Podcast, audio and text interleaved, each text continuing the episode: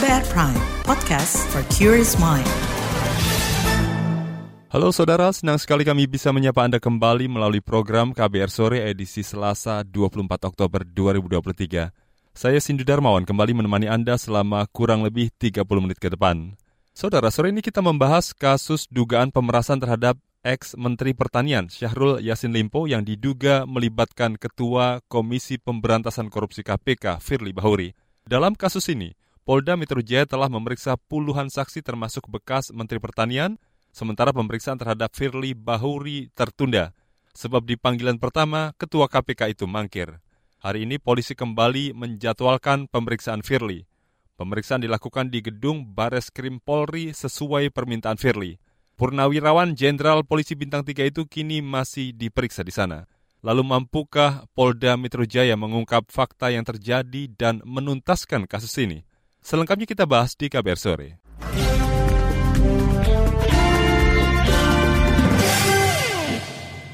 Saudara Ketua KPK Firly Bahuri sedianya diperiksa sebagai saksi di lantai 21 gedung promoter Polda Metro Jaya. Namun tadi malam pimpinan KPK berkirim surat agar pemeriksaan dilakukan di Bares Krim Polri. Polda Metro Jaya memenuhi permintaan tersebut. Ia diperiksa pagi tadi sekitar pukul 10 waktu Indonesia Barat di Bares Krim Polri. Hingga berita ini siar, Firly masih menjalani pemeriksaan. Direktur Reskrim Sus Polda Metro Jaya, Ade Safri Simanjuntak, pagi tadi mengatakan pemeriksaan terhadap Firly dilakukan penyidik gabungan dari Polda Metro Jaya dan Bares Krim Polri. Firly ditanyai seputar dugaan tindak pidana korupsi yang terjadi. Selain itu, ia juga dikonfirmasi perihal foto pertemuannya dengan ex-Menteri Pertanian Syahrul Yasin Limpo saat bermain bulu tangkis. Kehadiran Firly di Bares Krim Polri lolos dari pantauan awak media.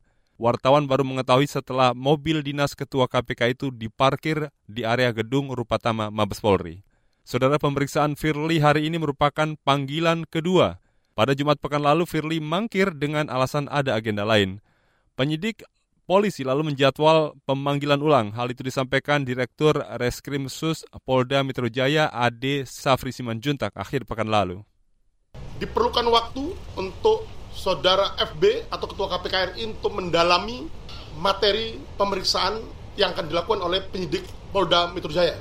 Atas surat dimaksud, kami dari tim penyidik akan melakukan panggilan ulang yang akan dijadwalkan minggu depan untuk diberikan kembali surat panggilan ulang terhadap saudara FB untuk dimintai keterangannya sebagai saksi dalam perkara yang saat ini sedang dilakukan penyidikannya oleh tim penyidik gabungan di Treskrim Sus Polda Metro Jaya dan Direktorat Tindak Pidana Korupsi, Korupsi Baris Kim Polri.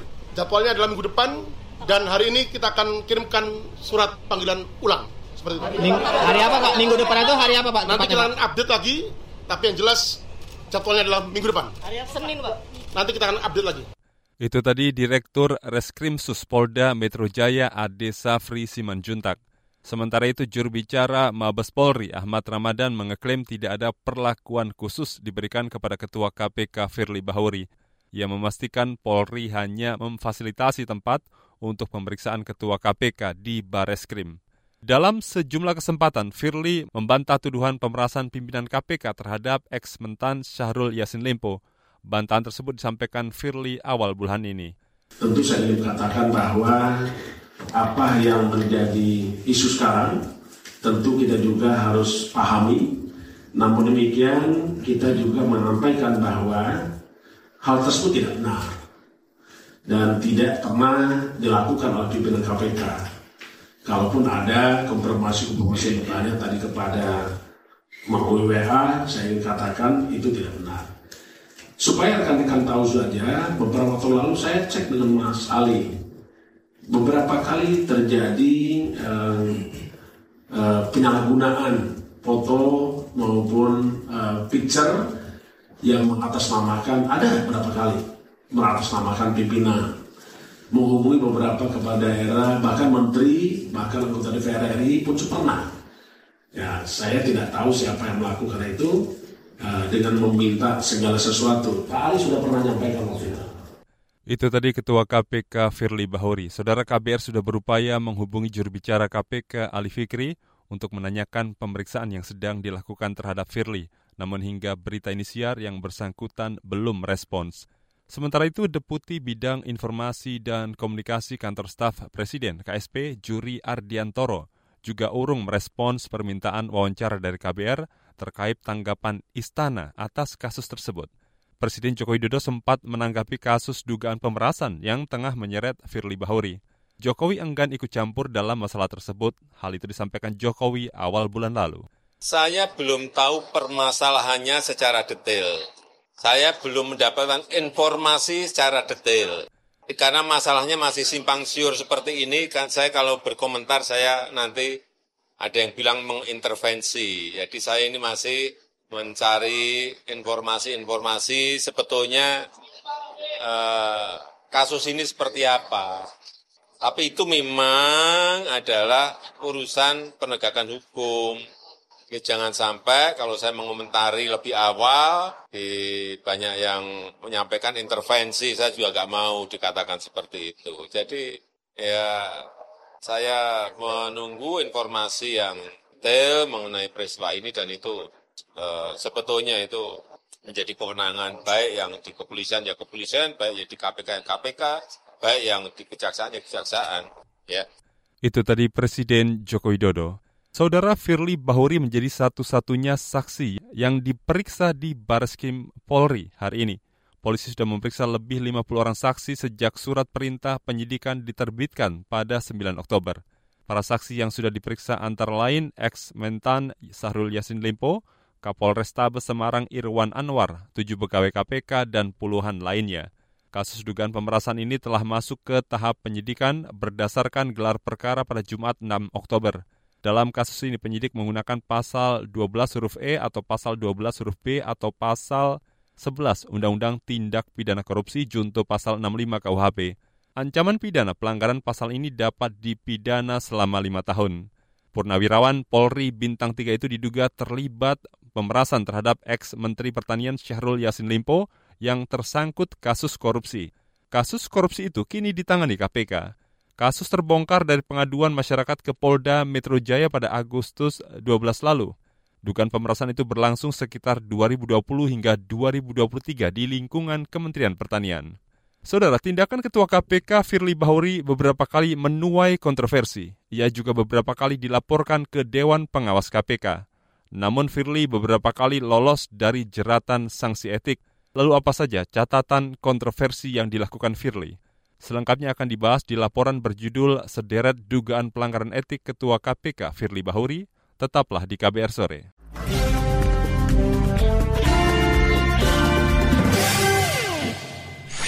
Commercial break. Commercial break. Yang baru, yang baru, yang baru. Tidak ada yang lebih baru dari kabar baru. Cukup 5 menit bisa perbaharui informasi kamu. Cukup 5 menit berita terbaru ada di genggamanmu. 5 menit sayang untuk dilewatkan karena kabar baru diramu dengan kualitas jurnalistik terbaik didukung puluhan reporter dan kontributor di Jakarta dan berbagai kota di tanah air. Simak hanya di kbrprime.id. Cukup search kabar baru, kamu akan dapatkan informasi teraktual dalam 5 menit. You're listening to KBR Prime, podcast for curious mind. Enjoy!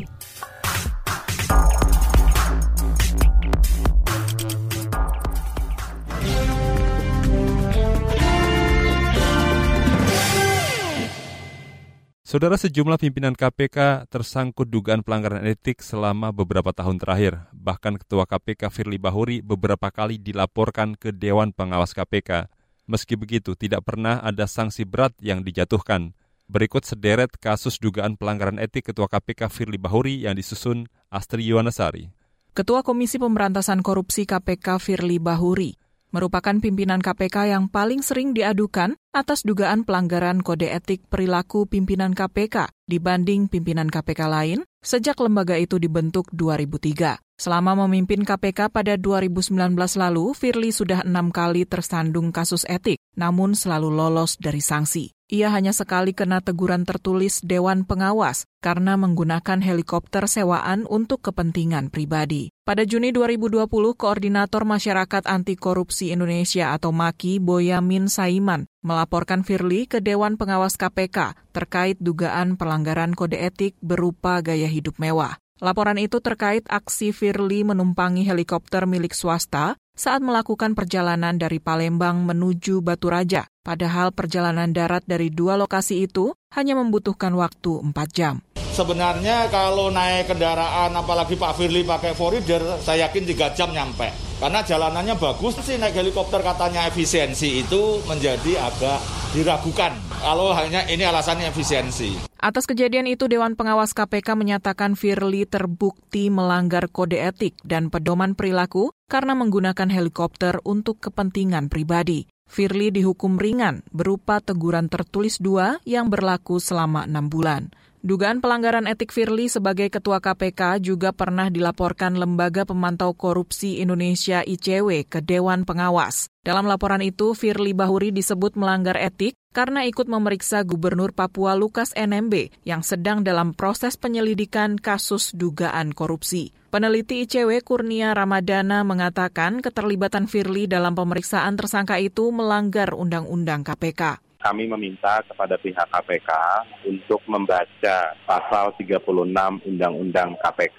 Di sana disebutkan pimpinan KPK dilarang berhubungan langsung maupun tidak langsung dengan pihak yang sedang berperkara dengan alasan apa pun. Peneliti ICW Kurnia Ramadana berpendapat Firly tak memiliki peran yang dibutuhkan dalam proses pemeriksaan tersangka Lukas NMB. Namun Kurnia kecewa dengan sikap Dewan Pengawas yang terkesan melindungi KPK bukan menegakkan aturan yang ada. Pada April lalu, Endar Priantoro melaporkan pimpinan KPK termasuk Firly ke Dewan Pengawas karena mencopot dirinya dari jabatan Direktur Penyidikan KPK. Eh, bagi saya, kalau itu memang hasil keputusan terapin dengan memperhitungkan kinerja saya, justru saya datang ke sini adalah untuk menguji apakah keputusan terapin itu sesuai dengan hasil pertimbangan rapim atau tidak. Kenapa, kenapa saya melapor ke sini? Saya ingin mencari pihak yang independen. Saya akan menguji apakah betul keputusan itu sesuai dengan kode etik di, yang berlaku di lingkungan KPK. Endar dan belasan pelapor lain juga melaporkan Firly atas dugaan pelanggaran kode etik dan pedoman perilaku terkait kebocoran dokumen hasil penyelidikan di Kementerian ESDM. Namun, belasan laporan tersebut dinilai Dewas KPK tidak cukup bukti, sehingga tidak dilanjutkan ke sidang etik. Ketua KPK Firly Bahuri lagi-lagi lolos dari sanksi etik Dewas KPK. Ketua Dewas KPK Tumpak Hatorangan Panggabean. Dewan Pengawas dalam pemeriksaan pendahuluan memutuskan bahwa laporan saudara Endar Priantoro dan 16 pelapor lainnya yang menyatakan saudara Firly Bahuri melakukan dugaan pelanggaran kode etik dan kode perilaku tentang membocorkan rahasia negara kepada seseorang adalah tidak terdapat cukup bukti untuk dilanjutkan ke sidang etik. Peneliti Pusat Kajian Anti Korupsi Pukat UGM, Yuris Reza Kurniawan, menilai kinerja Dewan Pengawas KPK tidak maksimal dalam mengusut dugaan pelanggaran etik pimpinan KPK. Dewas ini kan punya kewenangan untuk proaktif untuk melakukan pengawasan terhadap etik dari pimpinan KPK. Nah, harusnya Dewas bekerja keras atas dugaan yang dilayangkan kepada pimpinan KPK. Cuman, kita sendiri juga memahami Dewas KPK hari ini kan juga banyak yang menilai kinerjanya belum terlalu maksimal. Misalnya di beberapa kasus etik yang melibatkan pimpinan KPK yang dahulu ya, termasuk misalnya etik dari pimpinan KPK Religi Sauli dan beberapa kasus lain misalnya, Dewan terlihat loyo istilahnya ya, ya tidak memberikan keputusan yang. Peneliti korupsi dari Pukat UGM Yuris Reza Kurniawan mendorong pemerintah memperbaiki proses seleksi pimpinan KPK agar kewibawaan lembaga itu dalam memberantas korupsi bisa diselamatkan. Demikian laporan khas KBR, saya Astri Yuwanasari. Itu tadi laporan khas KBR mengenai sederet dugaan pelanggaran etik Ketua KPK Firly Bahuri. Kita kembali ke topik utama. Saudara, Komisi Kepolisian Nasional, Kompolnas, dan sebagian kalangan parlemen turut mendukung kepolisian bekerja cepat untuk menyelesaikan kasus dugaan pemerasan yang diduga dilakukan Firly Bahuri. Apa bentuk dukungan mereka terhadap kepolisian? Selengkapnya seusai jeda, tetaplah di KBR Sore.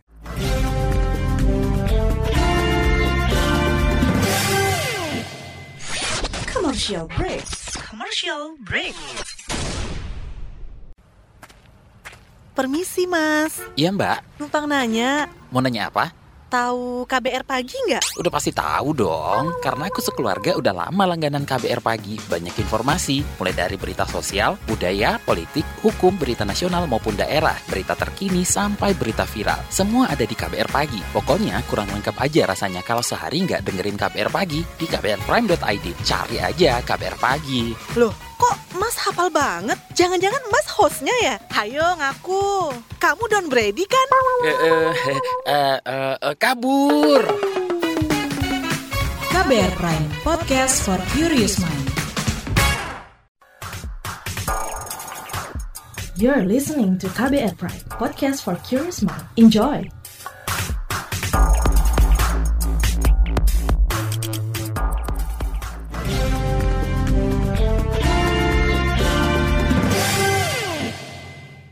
Saudara, Komisi Kepolisian Nasional Kompolnas akan terus memantau perkembangan dan penanganan kasus dugaan pemerasan yang diduga melibatkan pimpinan KPK Firly Bahuri. Komisioner Kompolnas Yusuf Warshim mendorong kepolisian menangani perkara secara terbuka dan transparan guna mencegah tuduhan konflik kepentingan. Selengkapnya kita simak wawancara jurnalis KBR Syafira Aurelia dengan anggota Kompolnas Yusuf Warshim terkait dengan pemanggilan kedua ya atas pimpinan KPK yang diduga melakukan pemerasan. Nah, kalau dari tanggapan Anda ini seperti apa Pak terkait dengan kasus uh, seperti ini? Ya, yang bersangkutan telah dipanggil, kita pantau datang ya tentu kita apresiasi. Artinya proses itu berjalan dengan baik, ya, walaupun dalam pemanggilan yang lalu sempat tidak hadir, tapi itu tentu kita harus hormati. Kompolnas sebagai pengawas fungsional Polri tentu terus mendorong agar penyidikan dugaan pemerasan oleh oknum pimpinan KPK ini benar-benar dilaksanakan secara profesional, transparan, dan akuntabel. Jadi tidak ada pertimbangan apa pun kecuali pertimbangan hukum secara profesional di dalam memanggil uh, Pak Firly yang pada saat ini kita pantau telah hadir memenuhi panggilan. Panggilan itu dilakukan tentu merupakan kewenangan penyidik. Hanya yang perlu kita pastikan kami sebagai pengawas memastikan bahwa proses itu dilakukan secara profesional. Lalu Pak tadi menyinggung sedikit ini bagaimana Pak dorongannya agar uh, proses penyidikan ini dapat berjalan independen, terbuka dan juga transparan ini Pak? Ya, kami Kompolnas akan terus uh, memantau dan uh, kasus ini kan sudah mendapat sorotan publik. Jadi juga publik me, terus mem, apa uh, apa namanya memberikan perhatian tidak akan apa namanya uh, apa namanya penyidik tentu mengerti dan memahami uh, kasus ini disorot oleh publik dan kami Kompolnas terus memantau sehingga itu menjadi satu dorongan dan harapan bahwa ini jangan main-main harus profesional. Nah itu. Yang kedua, dan sebagai wujud transparansi ya Kompolnas sudah uh, sangat berharap bisa nantinya diundang dalam gelar perkara, apakah itu gelar perkara khusus terkait nantinya kalau memang uh, alat buktinya sudah cukup untuk menetapkan siapa tersangkanya, uh, kami berharap bisa diundang. Itu sebagai wujud transparansi karena Kompolnas adalah bagian dari eksternal yang itu bisa merepresentasikan publik ya kira-kira seperti itu. Apakah ada catatan khusus Pak untuk bagaimana penyidikan ini seharusnya dilakukan agar bergerak lebih cepat lagi atau seperti apa Pak? Kapolri sendiri kan sudah memberikan apa ya perhatian dan arahan lah selain daripada profesional agar penanganannya ini secara cermat dan kehati-hatian artinya ya kecermatan dan kehati-hatian itu ya profesionalisme uh, standarnya gitu. Jadi apakah ada buktinya sudah benar-benar uh, cukup? Ya, kalau memang sudah cukup ya nggak usah ditunda-tunda agar lebih cepat. Tapi kalau memang uh, dirasa belum cukup ya harus terus dikumpulkan, dicari terus. Itu uh, wujud kecermatan dan kehati-hatian dan itu standarnya profesional. Saudara itu tadi anggota Kompolnas Yusuf Warshim. Di lain pihak, Wakil Ketua Komisi Bidang Hukum DPR RI Ahmad Charoni turut merespons desakan penonaktifan Firly. Ia mengatakan bakal menyerahkan sepenuhnya keputusan kepada Presiden Jokowi. Itu disampaikan Syahroni awal bulan ini. Sahroni adalah politisi Partai Nasdem, rekan separtai bekas Menteri Pertanian Syahrul Yassin Limpo.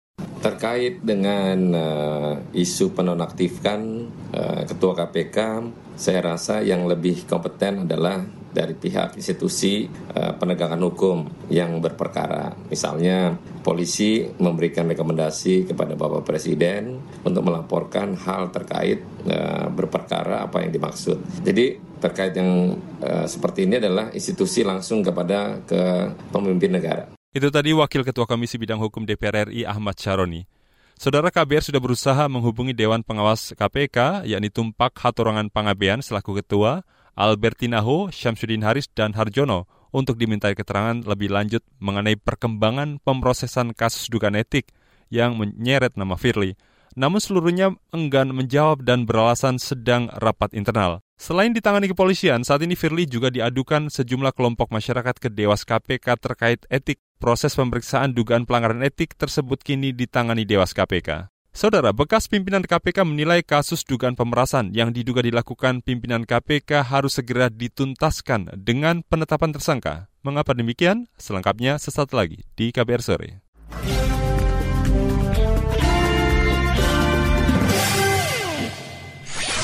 Commercial break.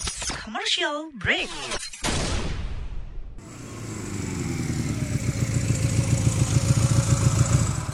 BC paket.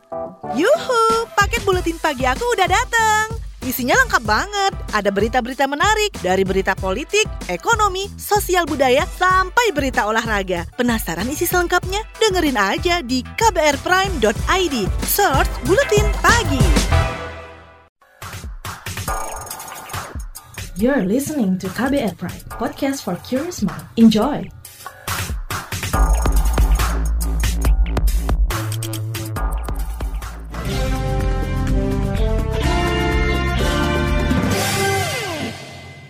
Saudara, kepolisian diminta segera menentukan status Firly Bahuri jika telah diperiksa atas dugaan pemerasan terhadap ex-mentan Syahrul Yassin Limpo. Alasannya sikap Polri itu tidak hanya mempertaruhkan muruah lembaga KPK, tetapi juga negara secara keseluruhan. Selengkapnya simak perbincangan jurnalis KBR Heru Haitami bersama ex-pimpinan KPK Saud Situmorang. Melihat pola dari proses hukum yang sedang berjalan, bagaimana mendorong agar pemeriksaan atau proses hukum yang berjalan di kepolisian ini transparan? Itu sangat normatif ya bahwa kalau memang kasus apalagi ini kan kategorinya kan korupsi ya. Artinya di luar lagi soal etik dan di luar lagi juga soal pemerasan bahkan sudah undang-undang KPK sendiri yang dilanggar. Di mana kita paham bahwa KPK yang saat ini kita kenal di masa lalu sudah sangat berbeda jauh dari tiga tahun terakhir. Artinya sejak undang-undang 19 itu, ini kan tantangan buat kita sebenarnya kalau bicara memberantas korupsi itu kan Anda harus transparan, itu syaratnya itu. Dan Anda harus akuntabel. Akuntabel itu berpindahan dua tempat pemeriksaan ini kita anggap itu akan akuntabel dengan asumsi ada pertimbangan karena memang eh, ada pesan dari Kapolri untuk uh, mengasistensi ini. Jadi kita masih melihat panggung depannya seperti itu. Jadi kita nggak lihat di belakang ada semacam upaya yang sehingga dia tidak transparan, tidak akuntabel, dan berkonflik interest. Kan yang kita khawatirkan itu kan. Penyidikan yang berlarut ini dikhawatirkan bakal mengaburkan barang bukti misalnya. Nah, bagaimana penyidik bergerak dalam penetapan tersangka? Ya, saya pikir mereka sudah pada level yang sangat confidence untuk kalau dari sisi bukti, apakah itu dikaitkan dengan pasal 12E kecil dengan pasal 12, b besar dalam kaitan pemerasannya maupun di pasal 336 dan pasal 65 Undang-Undang KPK Tinggal kita sekarang hanya mengawal saja. Tentulah beberapa yang dimintai keterangan kemarin saya, untuk Ayasin, terus beberapa eh, dari KPK dan beberapa di luar dari mantan KPK dan KPK. Saya pikir sudah pada tingkat di mana penyidik memahami betul bahwa mereka bisa melakukan tindakan yang tegas pada hari ini dalam kaitan memperlancar proses berikutnya. Kalau memang mereka memperkirakan ada potensi menghilangkan barang bukti dan lain-lain seperti yang Bung sampaikan tadi. Sehingga kita tidak heran kalau hari ini pengamat civil society menghendaki adanya sikap yang lebih pasti pada hari ini setelah dimintai keterangan. Saudara itu tadi perbincangan jurnalis KBR Heru Haitami bersama ex-pimpinan KPK Saud Situmorang. Informasi tadi menutup jumpa kita di KBR Sore edisi Selasa 24 Oktober 2023. Pantau selalu informasi terbaru melalui situs kbr.id, Twitter kami di akun @beritaKBR serta podcast di alamat kbrprime.id. Saya Sindu Darmawan bersama tim yang bertugas undur diri. Salam.